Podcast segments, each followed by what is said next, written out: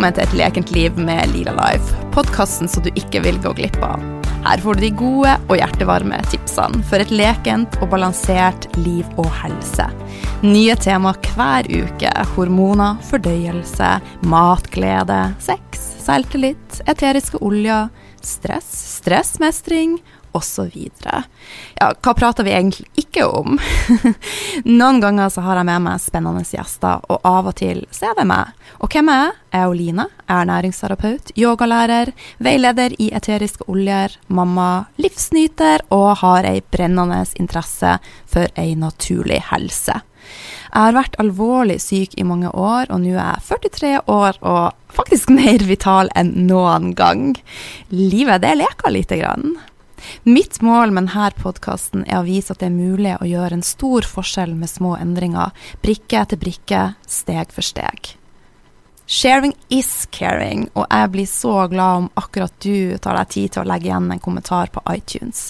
Det betyr at budskapet når flere, og gjerne tips en venn, naboen, en partner. Ja, du får lov å tipse faktisk hvem du vil.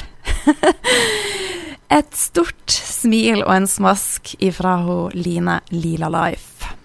Velkommen til episode 37. I dag så har jeg med meg en utrolig fascinerende gjest, og jeg må si at jeg har grugleda meg til å snakke med henne. For hun har gjort det motsatte av meg. Hun Lise, som hun heter, hun har spart penger. Jeg har brukt. Jeg har lova dere ærlighet, og jeg er ikke flink med penger. Så jeg vet at denne samtalen den innebærer endringer for meg. Eh, og fra naturens side, som jeg prata om mye i podkasten, så har vi mennesker motstand mot endringer. For det innebærer at vi må ja, rett og slett gjøre noe annerledes. Men nå tenker jeg at for min egen del at det er på tide, og jeg har lyst til å dele det her eh, med dere også. For at jeg kjenner at det å ha en fornuftig økonomi er en viktig del av det å ha en god fysisk og psykisk helse, og ikke minst for miljøet.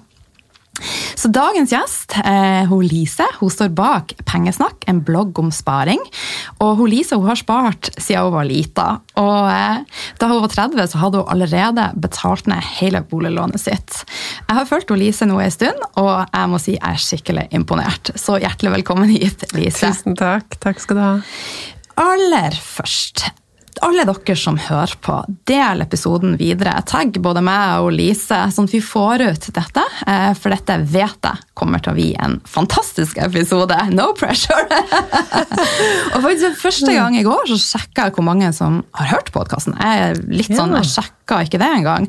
Og da kunne han Jim her fortelle meg at per uke så er det 12 000 som hører eh, mine episoder. Så det er jo fantastisk. Wow, så bra. Ja, Lise, hjertelig velkommen. Takk. Du er nysgjerrig ernæringsterapeut. Hvordan starta du dagen din i dag? Um, I dag så spiste jeg frokost med svigermor og sønnen min. Barnehagen er stengt, så uh, da hadde vi en barnevakt. Um, jeg har begynt å bake mitt eget brød etter mammas gamle oppskrift. Så vi spiste hjemmebakt brød og pålegg. Men jeg har sett på, jeg har jo snekket mye på det. Ser du bruker brødbake, brødbakemaskin. Det brukte jeg mange år tilbake i tid. Funka det? Eh, Jeg var veldig fan av det før, Ja. når jeg og Tom eh, bodde aleine. Ja. da spiste vi jo ikke så mye brød. Nei. Mens nå, etter vi fikk Emrik, og han begynte i barnehage Han skal jo ha to matpakker med brødskiver hver Ja. eneste dag. Ja. Så da baker jeg heller store brød. ja. Flere om gangen. Ok. Ja. Men har du noen ritualer på morgenen? Jeg er jo litt sånn som har mine egne greier, eller er det det enkle? Nei, det er ganske enkelt hos meg, altså. Ja. ja. Men du, eh, la oss eh, spole tida litt tilbake. Eh, hva gjorde at du ble så opptatt av sparing? Jeg tror jeg alltid har vært opptatt av sparing, men at jeg aldri har tenkt på det så veldig sånn. Men først nå, når jeg driver pengesnakk og holder på med det, så tenker jeg liksom tilbake. Når starta det egentlig? Hva var det som gjorde at jeg er så fascinert av sparing og penger? Um, Og da kommer jeg alltid fram til at jeg nok alltid har vært sånn. Jeg har vært sånn at jeg sparte lørdagsgodtet fra lørdag til utover i uka. At jeg alltid har vært sånn sparsom. Ja. Um, og mye av det har jeg nok lært fra foreldrene mine. Uten at de kanskje snakka om det som sparing. da. At mamma bakte sitt eget brød. Hun lærte meg å reparere klær. Og fortalte jo at vi la unna penger sånn at vi kunne reise på ferie. Men at jeg ikke tenkte på det som økonominerding og sparing. Nei, bare rett og slett bevisstgjøring. Ja, ikke sant? Vaner jeg har fått med meg. Ja. Og så har det bare balla på seg, så plutselig så hadde du din egen blogg, og så kan du jo fortelle litt hvordan det har tatt veien. Ja. Um, det første gangen jeg husker at jeg begynte å spare til noe sånn helt spesifikt, det var jo når mamma fortalte meg hva huset vårt hjemme i Tønsberg kosta. At det kosta én million kroner. og da var jeg vel sånn 14-15 år, Ja. og jeg syns det var en helt urealistisk stor sum. Ja. Her uh, fikk jeg kanskje 100 kroner i ukelønn, og det, jeg kommer aldri til å få råd til et sted å bo. Um, så det var jo litt engstelsen over det som fikk meg til å begynne å spare ganske bevisst mot et mål. Ja. Um, så like etterpå så konfirmerte meg, meg, fikk noen tusenlapper der, og så begynte jeg å jobbe. Ja. Og da sparte jeg hele veien. Hadde sånn at jeg, når jeg fikk lønn, så sparte jeg halvparten, og så kunne jeg bruke halvparten. ja. Fascinerende. Så jeg har liksom alltid vært opptatt av at små summer Altså mange mente jo da i ungdommen når jeg fortalte at alle dere burde også spare, eh, så var folk litt sånn at det spiller jo ikke noen rolle om vi sparer 50-lapper nå. Vi kan jo heller begynne å spare når vi blir voksne og tjener masse penger. Da er det jo mye lettere å spare. Og det tror jeg egentlig er feil. Fordi hvis man ikke har begynt å spare Det kommer ikke en dag hvor du plutselig tenker at nå har jeg god råd, nå kan jeg jammen meg begynne å spare. Um, og så er det jo de småpengene som blir store beløp over tid. Jeg er helt enig. Selv om jeg ikke klarer å praktisere det. Men det er det jeg faktisk praktiserer som ernæringsterapeut. For jeg, jeg jobber sånn skritt for skritt, blir til store bekker. Så det, ja. så det er jo rett og slett det samme her. Ja, det er samme prinsippet. Ja. Ja. Men inntil eh, nå nylig så var du ansatt da i en, altså en vanlig fast jobb. Men nå kunne du fortelle at eh, du har tatt skrittet ut og blitt gründer. Det blei så mye pengesnakk, og det var mange som hørte på meg, og mange som ville stille spørsmål og jobbe med meg. Og da fikk jeg rett og slett ikke tid til eh, begge deler. Nei. Og så har jo jeg et uh, lavt forbruk. Ja. Altså jeg har jo, når jeg jobba i Tine, så fikk jeg jo tjente sånn ca. 30 000 hver måned. Og da brukte jeg ca. 10 000, og så sparte jeg 20 000. Så det gjør jo at jeg ikke trenger en spesiell høy lønn Nei. for å få det til å gå rundt. Nei. Så det gjorde jo at jeg turte å ta skrittet, uten Ja. å vite at eh, det var så veldig mye penger i å snakke om penger. Det syns jeg også er fascinerende. Det viser jo at du er fornuftig, men samtidig så er du også eventyrlysten. For det, altså, man kan jo vise fastlåst i det her med penger at du ikke hadde tort å gjøre det. Så det, ja. Ja, og mange tenker, altså Da jeg sa opp jobben, så var det jo mange av følgerne mine som reagerte veldig på det. Da. Hvordan Du som er så trygghetssøkende, hvordan skal du få spart nå? Har du ikke sparemål? Um, men jeg har jo sparemål, men samtidig er ikke det det som er det viktigste for meg Nei. i livet, å spare mest mulig. Men det er jo å ha en økonomi og ha en trygghet i det, og jeg har jo fortsatt sparepenger og ja. Ja. ja, for jeg leste faktisk at når du er 40, for du er fortsatt i 30-årene, lucky you, så For du har spart 3,7 millioner cirka, sånn at når, da når du er ca. 40, så kan du gå av med pensjon? Ja, det var et regnestykke jeg gjorde som jeg blei veldig fascinert av, egentlig. Um, det begynte jo med at jeg jobba veldig mye med å betale ned huslånet mitt. Så det prioriterte jeg veldig hardt hver måned. Eh, Og da det nærma seg null, så begynte jeg å lure på hva, hva skal jeg spare til nå? Hva skal jeg gjøre? For jeg hadde jo alt jeg trengte, og jeg hadde ikke lyst til å plutselig øke forbruket mitt så masse. fordi jeg sparer jo ikke masse bare fordi jeg syns det er så gøy å spare, men det er jo også fordi jeg har innsett hvor lite jeg trenger for å ha det bra. Um, så da undersøkte jeg litt hva jeg nå skulle spare til, og kom over det konseptet med at hvis man sparer veldig mye, så trenger man ikke å jobbe så mye lenge før man kan pensjonere seg. Så da begynte jeg å investere i fond, og da var planen da å spare opp til eh, litt under fire millioner, og da kunne leve på bare avkastningene av det hvert år. Ja. Men du, eh, fond, eh, pensjonssparing, altså jeg er grønn på dette. Kan du eh, på en enkel, altså Jeg vet at du er flink å forklare. Kan du forklare det til en ernæringsterapeut? Ja, Um, hvis man skal investere i aksjemarkedet, så går det jo an å kjøpe én aksje. Eh, og da må du velge deg et selskap. Skal du ha en aksje i Statoil, eller Equinor som det heter nå, skal du ha at du må velge deg et selskap som er på børs, og så kan du investere i det. Um, det er det jo ganske stor risiko i. For det selskapet du velger, det kan jo gå dårlig, mm. men så kan det også gå bra. Og da har jo aksjen din blitt mye mer verdt, og da har du tjent penger. Det som jeg anbefaler, er jo å investere i mange selskaper. For da kan jo noen gå dårlig uten at du taper alle pengene dine. Mm. Og um, et fond er en samling av mange aksjer. Okay. Så hvis du kjøper et fond, så har du kanskje kjøpt 15 eller 100 forskjellige selskaper. Små biter av det. Mm. Men er det stor prosentsjanse for at man faktisk øker da, hvis man investerer i et fond? Altså, du trenger ikke å gi meg nøyaktig prosent, men er det en sjanse for deg? Altså, det selvfølgelig er det det.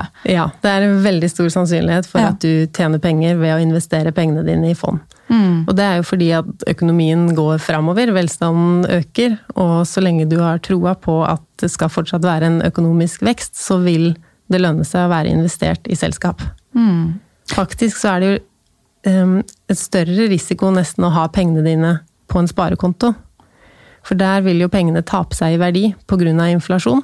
Mm. Mens om du har investert i selskaper, så øker pengene i verdi mer enn inflasjon. Og da har du tjent. Ja. Men når man skal starte, hva du vil anbefale? Altså en sum å gå inn med? Det, det er kanskje ikke noen vits i med 100 kroner? Jo, det er det en vits i. Og det er fordi eh, at det i hvert fall sånn jeg merka for meg selv, så syns jeg det var veldig skummelt å starte.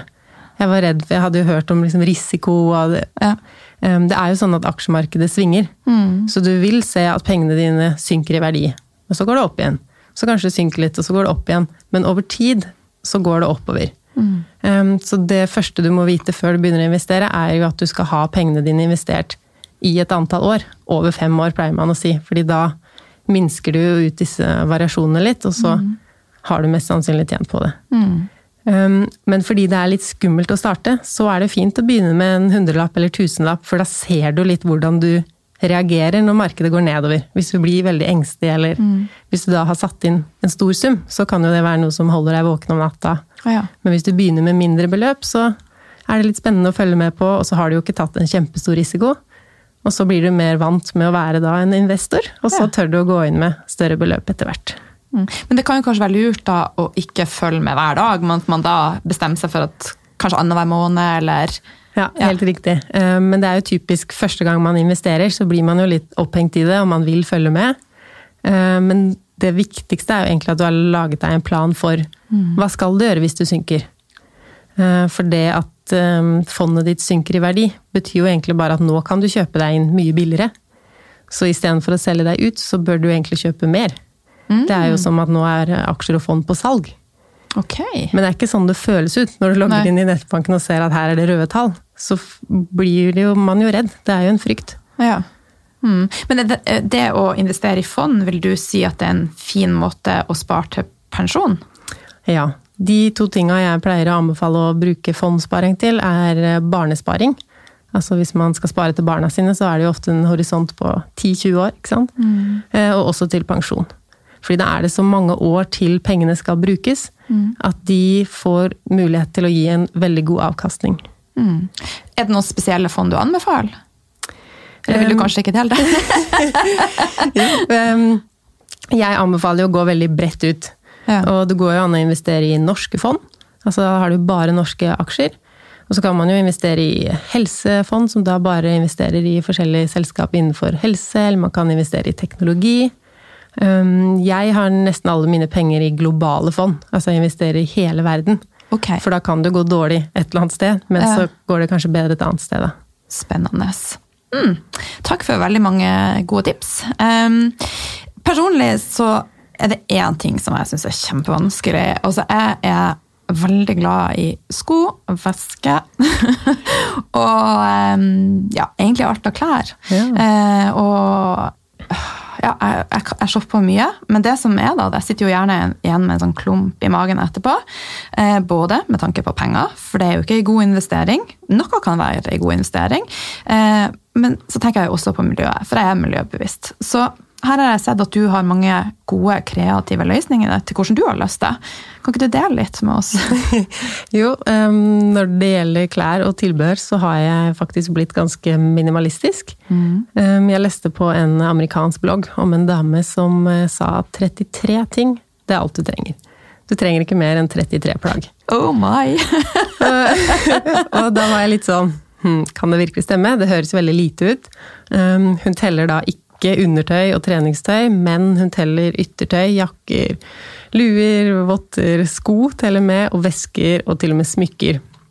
Jeg har jo bare fire smykker på meg i dag, liksom. Ringer også. Eh, hvis det er smykker du alltid har på deg, sånn som Ja. giftering eller et eller annet Ja. som alltid er på, så trenger man ikke å telle det. Men hvis okay. man bruker det som en del av et antrekk, på en måte, Ja. så må det telles. Ok. Um, så jeg bestemte meg for å prøve, da. Og det var så lett, fordi dette systemet var så? Det var antall, og det var lettere å prøve enn å bare skulle minimere. Hva betyr å minimere? Hvor mye skal jeg da ta vekk? Um, men da hadde jeg jo dette tallet, 33. Og så prøvde jeg det. Og det er nå eh, tre år siden. Og jeg har fortsatt 33. Så fantastisk. Det er litt overraskende òg. Um, fordi før så tenkte jeg ofte at jeg trenger noe nytt. Jeg må fornye meg på et eller annet måte, eller jeg har lyst på noe nytt. Det mangler noe her. Men nå som jeg har fått ting, så savner jeg aldri noe. Men det jeg gjør, var at da jeg starta med det, så tok jeg alle klærne ut fra klesskapet mitt, og så hang jeg inn de favorittene mine. Um, og så hver gang eh, sesongen endres, altså det er sommer eller høst, så bytter jeg ut med noe av det jeg pakka vekk i esker. Mm. så jeg har flere enn 33 totalt. Jeg har sånn litt over 100. Men jeg har alltid bare 33 ting framme. Ja. Men da, hvis du har virkelig lyst på noe nytt, kan du unne deg noe nytt da, og da eventuelt gir du bort et av de plaggene du har? Um, egentlig sånn på i alt i livet mitt eller økonomien min, så tenker jeg at fordi jeg sparer så mye, så har jeg jo faktisk råd til alt. Ja. Uh, Så hvis det er noe jeg har ordentlig lyst på, så kjøper jeg meg det. Ja, men det er fint. Men det er veldig ofte sånn at jeg har mer lyst til å spare, da. Eller det gir meg en glede. så jeg blir alltid veid opp mot det, da. Åh, du, um, jeg skal Ok, jeg skal teste ut dette, jeg lover deg. Risikoen er liksom ikke så veldig stor, fordi du trenger ikke å kaste noen ting. Du Nei. bare pakker det vekk. Ja. Og hvis du finner ut at det var begrensende eller noe, så er det jo bare å finne fram Ja. mer. Men det har gitt meg så mye mer Altså Da jeg starta med det, så var det jo mer sånn minimalismegreie. Det er jo veldig deilig å stå opp, og så henger det så fint. Altså Mm. Uansett hvor rotete det er i klesskapet. Når det er bare 33 ting, så ser det ganske ryddig ut. Ja. Uansett. Um, og alt som henger der, passer jo smaken min, og størrelsen min, sesongen. Så jeg trenger ikke å leite så mye etter noe som passer min hverdag, da, fordi alt som henger der er jo relevant. Og på den måten så sparer du faktisk mye tid og energi. Eh, jeg har lest en plass at eh, mange av topplederne sånn, ja, de har faktisk samme dressen, akkurat samme dressen, som bare i Altså, De kjøper sju av samme, de spiser samme til frokost hver dag. Rett og slett for å ha det enklest mulig for å bruke energien sin på ting som er viktig for dem. Ja, ikke sant? De kan ikke kaste bort sin hjernekapasitet på helt sånne banale ting. Nei. Nei Du ser det jo på han Facebook-gründeren, alltid den grå T-skjorta. Han har mange av den. Ja. Ja. Barack Obama følte det vel samme. Ja. Jeg kommer ikke til å bli der, men jeg skal, jeg skal jobbe med å, å, å komme i det som heter en kapselgarderobe, for det er det. Kapselgarderobe. Ja. Ja. Mm. Og jeg er jo ikke så opptatt av eh, hva jeg går med, eller om jeg går i det samme hele tiden. Eh, men også hvis man er det, så kan det passe fint med en kapselgarderobe, fordi man blir tvunget til å være litt kreativ. Da. Sant? Du har et utgangspunkt som er litt færre ting, og så må du sette det sammen på nye måter. og det er faktisk ikke så begrensende som det høres ut som. Men i den overgangen, da, hadde du noe sånn eh, loppemarked, eller at du solgte unna noen av tingene dine? Jeg pakka det bare vekk, for jeg Ja. tenkte sånn, det høres jo litt urealistisk ut at dette skal holde. Så jeg kan jo bare pakke det fram igjen når jeg er ferdig. Mm. Men da, eh, når jeg, etter tre måneder, så når jeg skal endre garderoben, eh, så kvitta jeg meg med ganske mye. For da visste jeg jo at jeg kom til å fortsette med det her eh, konseptet. Og hvis et plagg ikke er bra nok til å være en av mine 33, så trenger jeg aldri å ta vare på det mer. Men nå har jeg et skikkelig litt sånn teit spørsmål. Jeg gleder meg. Jeg har, eh, når jeg var 40, så fikk jeg en ordentlig møllbrødveske. Og så har jeg alltid drømt om en Chanel-veske. Eh, og jeg har et mål som jeg jobber mot, og der har jeg bestemt meg for å kjøpe en Chanel-veske. Yeah. Og I går fant jeg den, da. Eh, jeg har ikke kjøpt den, men jeg, det var vintage. Og det er jo ganske mye penger. Eh, ei Chanel-veske koster jo fort 40 000. Denne koster 18 Det er jo svimlende mye penger. Er det ei latterlig investering? Eh, Det er veldig sjelden at man kan snakke om kleskjøp eh, og accessoarer som en investering. Men akkurat i tilfellet med en Chanel-veske, så er det faktisk en investering. Um, og man veit jo ikke hvordan prisene på Chanel vil fortsette framover. Nei. Men uh, fram til nå så har jo det vært en bedre avkastning enn børsen, faktisk. Wow. Men jeg har bestemt meg for at siden jeg ikke har nådd det målet ennå, så skal jeg ta pant i veska. De har sagt ja til det. Okay. Rett og slett for å være litt fornuftig, siden jeg visste jeg skulle snakke med deg. Ja. Men det er noe med å faktisk som du, at man For at du skrev også på bloggen, når du først kjøper noe, så føles det Fortell litt. ja. um, et av mine beste sparetips på en måte, er å spørre seg selv før man kjøper hva som helst. Um, gjør det her meg lykkelig? Eh, og det kan virke liksom corny å stille det spørsmålet, men eh, i hvert fall hvis det er om enkle ting, liksom peanøttsmør, gjør det her meg lykkelig? Eh, men det det gjør, da, det er to ting. For det første så er det jo at jeg kjøper jo færre ting. Mm. For det skal jo litt til å kunne innfri til å gjøre meg lykkelig. Eh, Og for det andre så setter jeg jo mye større pris på de tinga jeg faktisk velger å kjøpe. Mm. Sånn som det med det pene smøret. da. Når jeg da tar pene smør på brødskiva, så har jeg jo sagt meg før at dette her gjør meg lykkelig. Og da nyter jeg det litt ekstra mer enn om jeg bare hadde kjøpt det uten å tenke så mye mer over det. Så akkurat som den eh, veska di da, som du har bestemt deg for, du ønsker deg det, du er ganske overbevist om at den gjør deg lykkelig, så kommer du til å føle deg Altså, det blir jo et bra Ja. kjøp for deg. Ja. Men da har jeg en plan også. Jeg skal ha eh, Jeg har planlagt Dette etter etter jeg kom over det. Ja. Og selge unna væsker som eh, Marc Jacobs og sånn som jeg har kjøpt som jeg ikke bruker. Ja. Så det er jo fordelen med å da kjøpe litt dyrere ting, at de faktisk har en eh, verdi etter du er ferdig med dem. Altså ting som du har kjøpt på billigbutikker, er ikke lett å selge. Nei. Ok. Nei, men da har jeg noe å tenke på, da. du, eh, altså det her er jo utgangspunktet. Jeg starta med å si at det er jo en livsstilspodkast. Men jeg har jo jo eldre vi Jo mer har jeg skjønt, og mat er én ting, men det å ha en god økonomi er viktig for ei god helse. Og eh, det er veldig mange i landet i dag som har forbruksgjeld og bruker eh, kredittkort ukritisk. Jeg gjorde litt research, og i juni 2019 så var det faktisk eh, 117 milliarder eh, som da var beløpet som er i forbruksgjeld på oss nordmenn. Og dette øker i rekordfart. Og jeg har sjøl vært veldig ukritisk. Eh, Kan ikke du eh, fortelle litt om bruk av kredittkort, og hva som er lurt å gjøre, og ja, dine beste tips, rett og slett? Um, hvis man skal bruke kredittkort, så må man ha en plan. Um, noen tenker jo at hvis man har fått et kredittkort med en kredittramme på 30 000 eller 50 000, så er det penger man har å bruke. Um, og det er det ikke. Altså det er penger du kan låne til en kjempedyr rente. 20% 30% rente. Så det er veldig dyrt hver gang du velger å låne penger fra det kortet. Det som er fordelen med et kredittkort, er at du kan gjennomføre kjøp med det kortet, og så får du en regning måneden etter. Og hvis du betaler hele den regninga da, så har det ikke kosta deg noe i rente. Og de som eh, eier disse kortene, de vil jo at du skal bruke dem. Så det fins mange kredittkort som har ulike bonusordninger på forskjellige flyselskaper eller bensin man bruker, og så får man cashback. Og det er jo smart å bruke for å tjene. Men med en gang du ikke har råd til å betale hele regninga neste måned, så er det jo ikke smart. For du får jo kanskje 1% eller 2% tilbake ved å bruke et sånt kredittkort. Men hvis du da kjøper noe og så har du en rente på 20 eller 30% så koster det jo mye mer enn den ene eller to prosentene du tjener. Det kan lett bli en ond sirkel. Det blir det. Fordi hvis man eh, gjør alt forbruket sitt på kredittkortet, og så har du ikke penger når den regninga kommer, så, eller så har du akkurat nok til den, men da det, har du jo null kroner igjen, og så bruker du forbruks... Altså, det blir dyrere og dyrere. Virkelig en ond sirkel. Bruker du kredittkort sjøl? Ja. Ja. Eh, Kan jeg tippe American Express, eller? Nei, Nei? jeg flyr jo veldig lite. Ja, ja, det gjør du, ja! Selvfølgelig. Miljø. Miljø. Eh, Så jeg bruker Coop, Mastercard og Trumf Visa. Okay. Så det er på dagligvare jeg bruker kredittkort. Ja, ja, for du shopper ikke. Så, jeg glemmer jo av at du ikke shopper så mye. Jeg så du kjøpte en Mummikopp her om dagen. Ja, det gjorde jeg. Jeg tenkte jeg må jo vise at jeg selv om jeg sparer, så betyr det ikke at jeg aldri kjøper meg noe. Nei.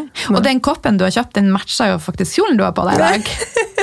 og eh, det er jo lett å tenke da, når man sitter med noen som er spar på penger og ikke kjøper så mye klær, at de ikke ser flott ut. Men du ser jo veldig flott ut. Du ser jo ut som du har en kjole som er helt ny. Kult, kult belte.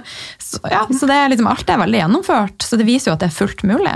Det er fullt mulig. Det her beltet kjøpte jeg på loppemarked for fem kroner. Fantastisk. Og denne kjolen fikk jeg til jul i fjor av svigermor. Ja. Hm. Veldig, veldig fint. Men litt tilbake til det med kredittkort. Eh, er det andre ting vi bør tenke på? Altså Hvis jeg nå skulle få meg et kredittkort Jeg reiser mye. Jeg tenker eh, på at det ikke er så lurt, men samtidig så har jeg en jobb som innebærer at jeg må fly en del. Hvilket kredittkort vil være lurt for meg å bruke? Da spørs det jo litt hvilket flyselskap du bruker. SAS. SAS, ja. Ikke, det er ikke sponsa. Eh, Men da har du rett at det American Express-kortet kan lønne seg. Men det spørs litt hvor mye du flyr, for det har jo også en årsavgift. Så du må jo passe på at det beløpene du tjener på å bruke det, overstiger det det koster. Og så kan jo den type Altså fordi du er med i et type bonussystem, så gjør det kanskje at du ikke sjekker priser rundt, men du flyr bare med det selskapet, selv om det kanskje er dyrere enn det hadde vært å ta et annet flyselskap. Så man må være bevisst på ganske mange ting hvis man tenker at man skal eh, spare bonus og være smart. da. Så krever det litt research å finne ut hva, om det faktisk lønner seg for deg. Så for meg som er Jeg er ikke et sosehode, jeg er ganske disiplinert og målretta, men jeg syns akkurat dette er vanskelig og litt Det er ikke det jeg liker å gjøre, da. Så da burde jeg kanskje bare bruke et vanlig kort. Det burde du. Og i hvert fall hvis du eh, ikke betaler hele regninga neste måned. Så er det lurest å holde seg til et vanlig bankkort, ja. Det, når jeg var i USA nå sist, så brukte jeg kort, og- og jeg betalte innafor.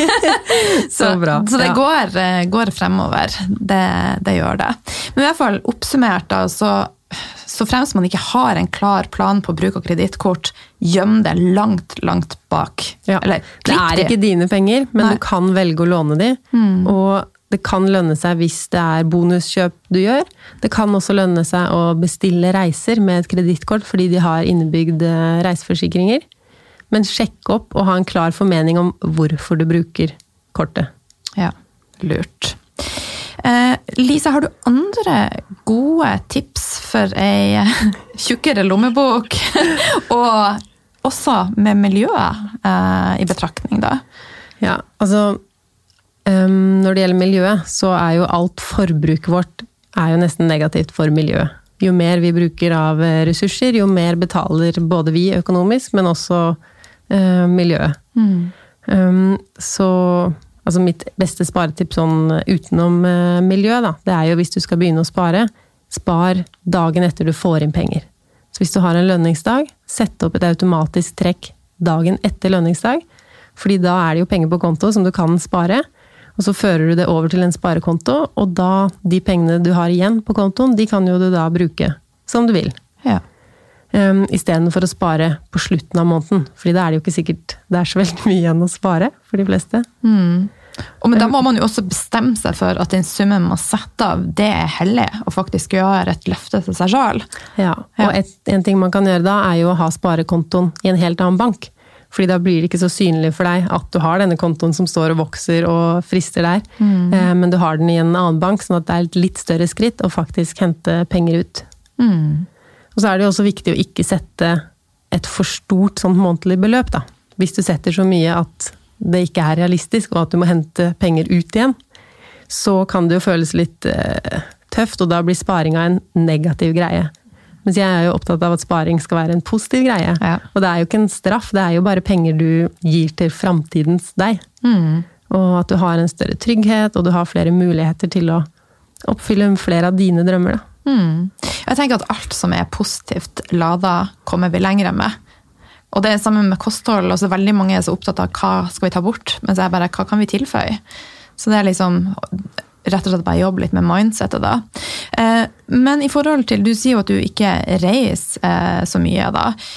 Hva gjør du når du skal på ferie, når du skal slappe av? Og, ja. Ja, um, nå slapper jeg av veldig godt av hjemme, heldigvis. Og det er jo en ting jeg prioriterer å bruke penger på. Altså hjemmet mitt. Jeg er veldig mange timer hjemme, og der prioriterer jeg da å bruke penger på både selve huset, men også interiør og ting hjemme. Mm. Um, forrige helg så hadde jeg en jentetur med venninnegjengen min. Og da var vi på Oslo-tur. Ja. Og vi bor jo i Oslo alle sammen. er det du som setter føringa for det her? Det kan hende det var mitt forslag. Men, Nei, nå reiser vi til Oslo! men alle syns det var vellykka, og det er faktisk ikke første gang eh, vi har gjort det. Men Nei. det er kanskje litt med alderen eh, vi er i òg, at det er mange som har eh, små barn. Mm. Som de da har muligheten til å være med på jenteturen. Som ja. de ikke hadde kunnet vært hvis vi da dro til Praha eller Tallinn eller ja. Så da gjør vi masse morsomme ting og kan faktisk bruke ganske mye penger på aktiviteter her, da. Fordi vi ikke kjøper fly, vi kjøper ikke hotell. Veldig smart, da. Og veldig gøy òg. Ja, det, jo, altså det, viktigste er jo nødvendigvis ikke hvor man er, det er jo selskapet som er det aller viktigste. Sånn, Skravle med hverandre og være mange timer sammen. Ja. Kan jeg spørre, hva gjorde dere her i Oslo da? Denne gangen så starta vi med frokost hjemme hos en av oss som hadde ordna i stand. Champagne og ja. Eh, og så dro vi og spilte minigolf. Sånn innendørs minigolf. Og så eh, var vi på kafé. Og så eh, var vi på escape room. Har du ah. prøvd det? Nei, det har jeg ikke. Det er ganske artig. Så var vi ute og spiste. Og så hadde vi fest hjemme hos hun ene, med karaoke etter hvert. Og, ja. oh, så artig, da. Ja, Så det viser jo at man kan være veldig kreativ. Ja, ja og da, altså, til en vanlig lørdag så brukte jo vi da vanvittig mye penger. Men fordi vi visste at alternativet var jo da hver være en helg og ja, flybilletter og alt, så ble det jo en rimeligere ferie. Fantastisk. Godt tips. Men du, eh, når det gjelder mat eh, det kastes enorme mengder mat, eh, og det tenker jeg er så viktig, så jeg skal faktisk ha med meg ei fra Bergen som har en Instagram som heter Spis opp maten. Ja. Ja, så hun skal jeg møte neste uke, så det blir veldig spennende. Jeg var på Sundvolden nå forrige helg, og der hadde de eh, faktisk en sånn tabell i spisesalen der de skrev opp hver dag matsvinn. Det syns jeg var veldig smart. Eh, men det var også ondt å se at de kasta mellom 60 og 70 kilo per dag. Oi. Og det er bare på ett lite hotell. Eh, så har du noen gode tips på det med å spare penger på mat, men samtidig spise glad mat. Altså For meg er det ikke et alternativ da å gå på butikken og kjøpe et kneippbrød til to kroner. Nei, det får du ikke tak i heller. Nei. Oi, ok. um, men selv om altså, mye av matsvinnet skjer jo i eh, industrien og før det i det hele tatt kommer inn til butikkene, men en fjerdedel av matsvinnet skjer hjemme hos forbruker. Mm. Um, så da er det jo sånn at for hver fjerde pose eller handlenett da vi tar med oss hjem fra butikken, så kaster vi en av de. Eh, det er jo vanvittig mye, og det man kan gjøre for å minimere det, da, er å planlegge. Og det høres fryktelig kjedelig ut å planlegge middager og måltider på forhånd, men det er faktisk eh, deilig og befriende og mm. smart. Um, så jeg pleier da å planlegge for eh, hele uka.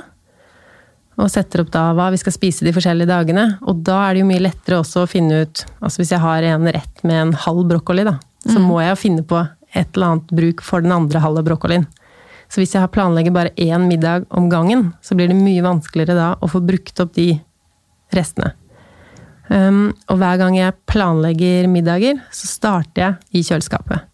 Så da ser jeg hva er det som ligger her som jeg må få spist opp. Mm. Og da planlegger jeg rettene jeg skal lage med utgangspunkt i det. Og hvis ikke det er nok der til å eh, liksom lage retter for hele uka, så sjekker jeg om matskapet og fryseren. Så med å ta utgangspunkt i det vi allerede har, så blir matsvinnet mye mindre. Ja, Og da følger du den planen sånn slavisk? Det er så mye deiligere enn ja. sånn som jeg hadde det før. da. Når jeg ja. var på vei hjem fra jobb, så begynte jeg å lure på hva skal jeg ha til middag i dag. Ja. Og nesten aldri var jo det da noe jeg hadde hjemme, så vi måtte innom og handle. Og jo oftere man handler, jo mer penger bruker man. Sånn er det bare. Og det merker jo alle som da Eh, bytter over fra å handle ofte til å handle sjeldent, at det går mindre penger til mat. Mm. Ja. Jeg er en ganske sånn kreativ person, så uh, jeg handler også en gang i uka, men jeg liker ikke så mye planer. Jeg tror jeg er en liten rebell, da. Så det er flere veier til rom, men jeg Ja. tror veldig mange har nytte av en matplan, og tidvis så tror jeg også jeg hadde hatt det. Ja, for at når det blir for travelt, så klarer man ikke å være kreativ heller. Nei, Så Nei, så jeg syns det er deilig å vite hva skal vi ha, og at jeg allerede har de eh, varene hjemme. da. Mm.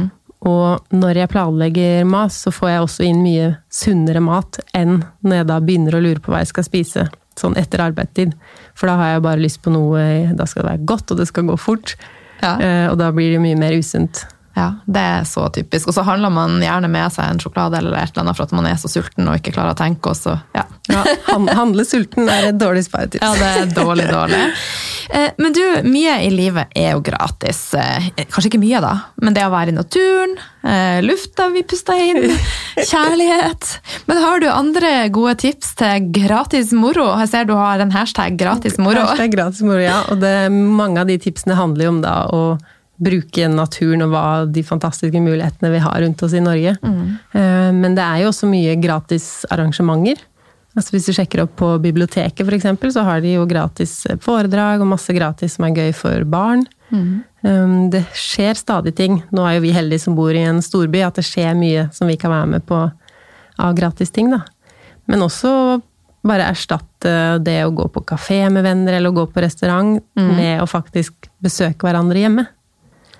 Det er lurt. Ja, og jeg syns det er mye hyggeligere òg. Ja. Da kan man sitte og prate mye mer uforstyrra, og ja, så man har råd til mye mer deilige ting da, hvis man har det hjemme, enn å kjøpe det ute. Å ja. Gode, gode tips. Men du, altså, vi er jo nå i Det er 1. november i dag. Eh, og allerede for 14 dager siden så så jeg at det var kommet en juleting i butikken. Eh, etter min smak syns jeg det er litt eh, overdrevent og kanskje litt småkvalmt. Eh, men det er òg veldig mye kjøpepress i denne tida. Eh, hva er dine beste tips til ei hyggelig følelse? For jeg vet at det er mange som gruer seg til jul. Ikke bare det, den tida i forkant, men også januar. Når ja, regningene kommer. Så hvordan skal vi håndtere det her? Ja, Og ikke bare det økonomiske òg, men stressnivået. Det skjer så mye i desember. Det er avslutninger, juleavslutninger på det ene og det andre. og Det er juletrefester og gløgg og Lucia, og det er veldig mye som skjer. Og det blir jo et press om å være med på alt, og mye av det koster penger. Så det jeg anbefaler, er jo å tenke på jula litt tidlig, og planlegge hva skal vi være med på i år. Og da blir de tinga man velger ut eh, litt bedre òg, fordi man veit man skal det. Man har Altså hvis man ikke har en sånn familiekalender vanligvis, da, så kan det lønne seg å ha det bare for desember. Fordi da skjer det så mange ting. Og det blir typisk da at man, hvis man ikke har planlagt middager heller, så må du kjøpe noe kjapt. Um, plutselig er det julebord, men det er jo egentlig ikke så plutselig. Det er en gang i året, og det kommer til å komme. Um, men hvis man ikke har satt seg ned og tenkt litt på julefeiringa i forkant, så blir det plutselig sånn at uh, jeg må kjøpe meg et nytt antrekk til julebord.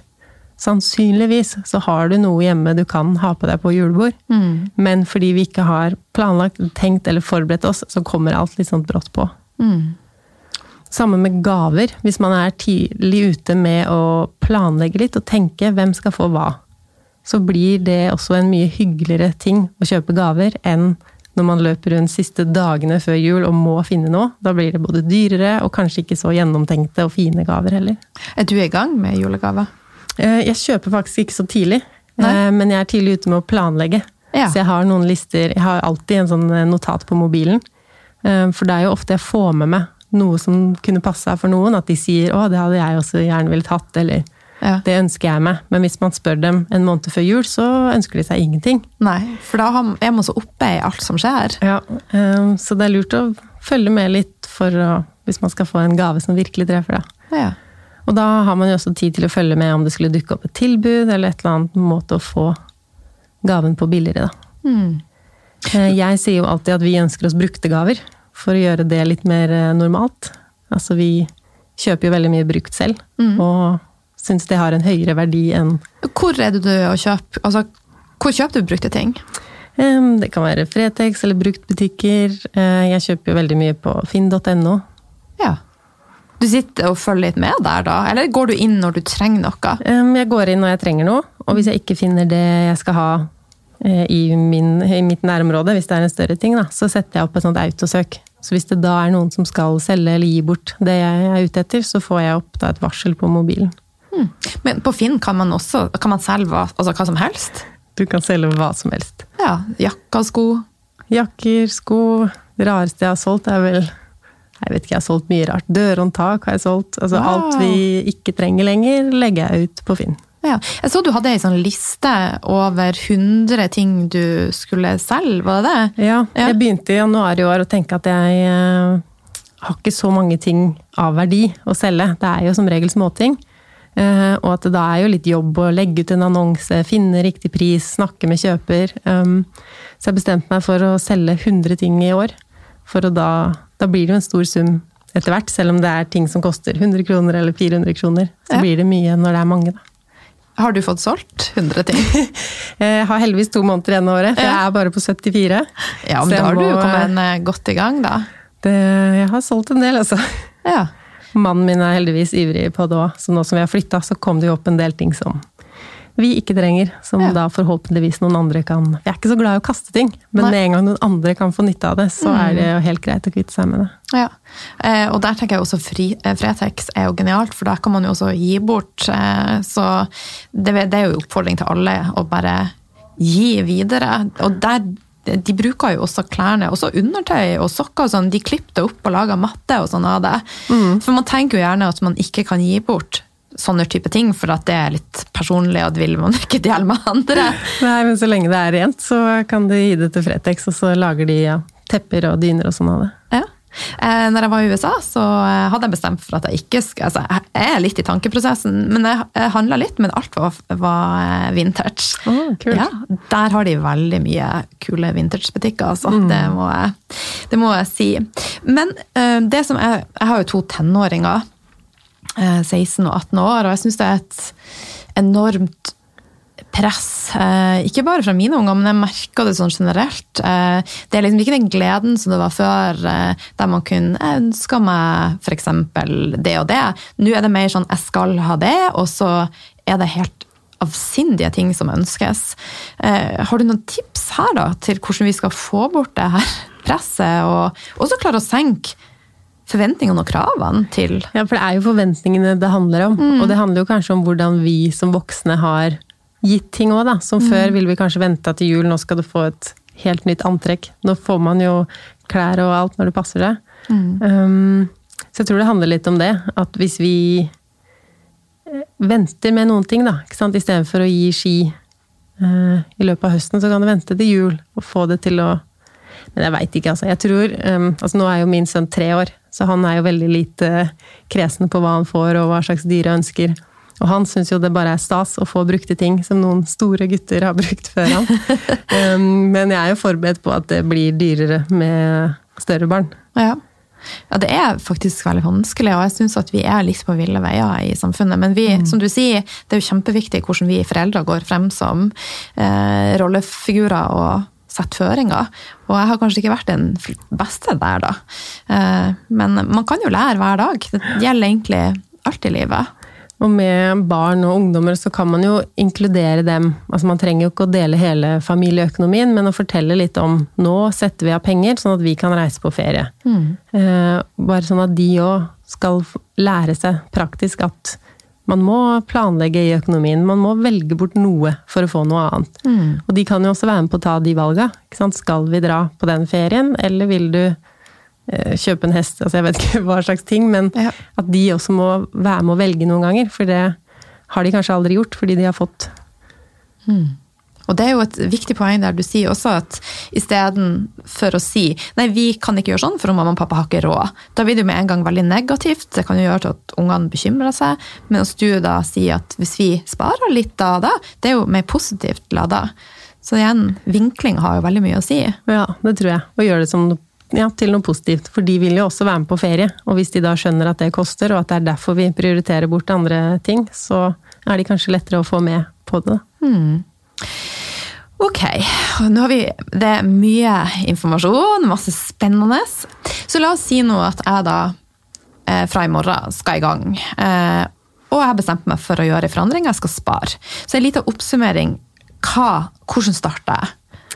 Um, for du sparer ingenting eller nesten ingenting nå, eller? Ingenting. Um, da ville jeg starta med en månedlig sum. Mm.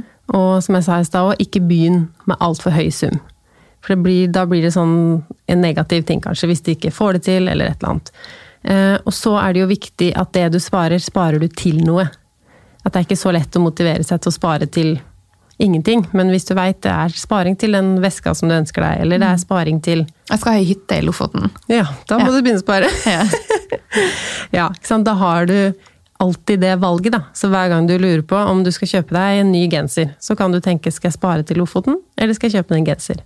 Ok, jeg har kanskje nok gensere, jeg har mer lyst på Lofoten. Så det er mye lettere å spare når man har noe helt konkret å veie alle kjøp opp mot.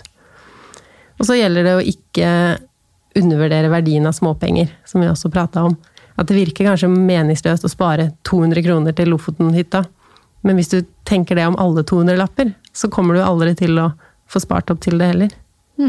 Så selv om du har den faste sparinga hver måned, som du kan også øke og øke etter hvert som du ser at det går, så kan du putte inn ekstra 200-lapper og 1000-lapper når du har enten tjent noe ekstra, eller spart. Kanskje du har latt være å kjøpe en ny kjole til julebordet, da. Men du hadde litt lyst, og den kosta 1400 eller 2000, så kan kan du koste mye, faktisk, en kjole. ja, Da kan du overføre akkurat den summen til Lofoten-hytta. Lurt. Men bursdagsgaver, julegaver, er det frekt da å si at Du sier du ønsker deg brukte ting, men kan man si at jeg ønsker penger til ei hytte? Jeg tror det er mye lettere når man har noe spesifikt Ja. å si. Enn at jeg ønsker meg penger, for jeg er så grådig og grisk. Nei. Eh, Nå sparer vi til Lofoten-hytte. Ja, Ja. det ville jeg absolutt sagt. Og du opprette deg en også- konto, eksempel. Ja, og du kan jo også si at det er fordi du har nok ting, og at vi trenger ikke ting. Og For jeg syns også det er vanskelig når folk spør meg hva ønsker du For, Mm. for som du sier, vi har, har alt. vi har alt. eh, Så jeg begynner jo tidlig med å tenke på det. da, Og i det dokumentet hvor jeg skriver hva jeg har lyst til å gi til andre, så skriver jeg også opp hva jeg ønsker meg selv. Så hvis jeg har en krem som holder på å gå tom, så kan jeg ønske meg den kremen til jul. Sånne ting da, Så det får noe jeg faktisk får bruk for, ikke enda en eller annen ting. Ja. Og så er det også noe med å kanskje ønske seg mat og sånne ting som, og forbruksting. Eller ja, opplevelser. Ja, opplevel mm. mm. Det har lyst til at vi skal finne på noe hyggelig sammen. Mm. Ja, lurt.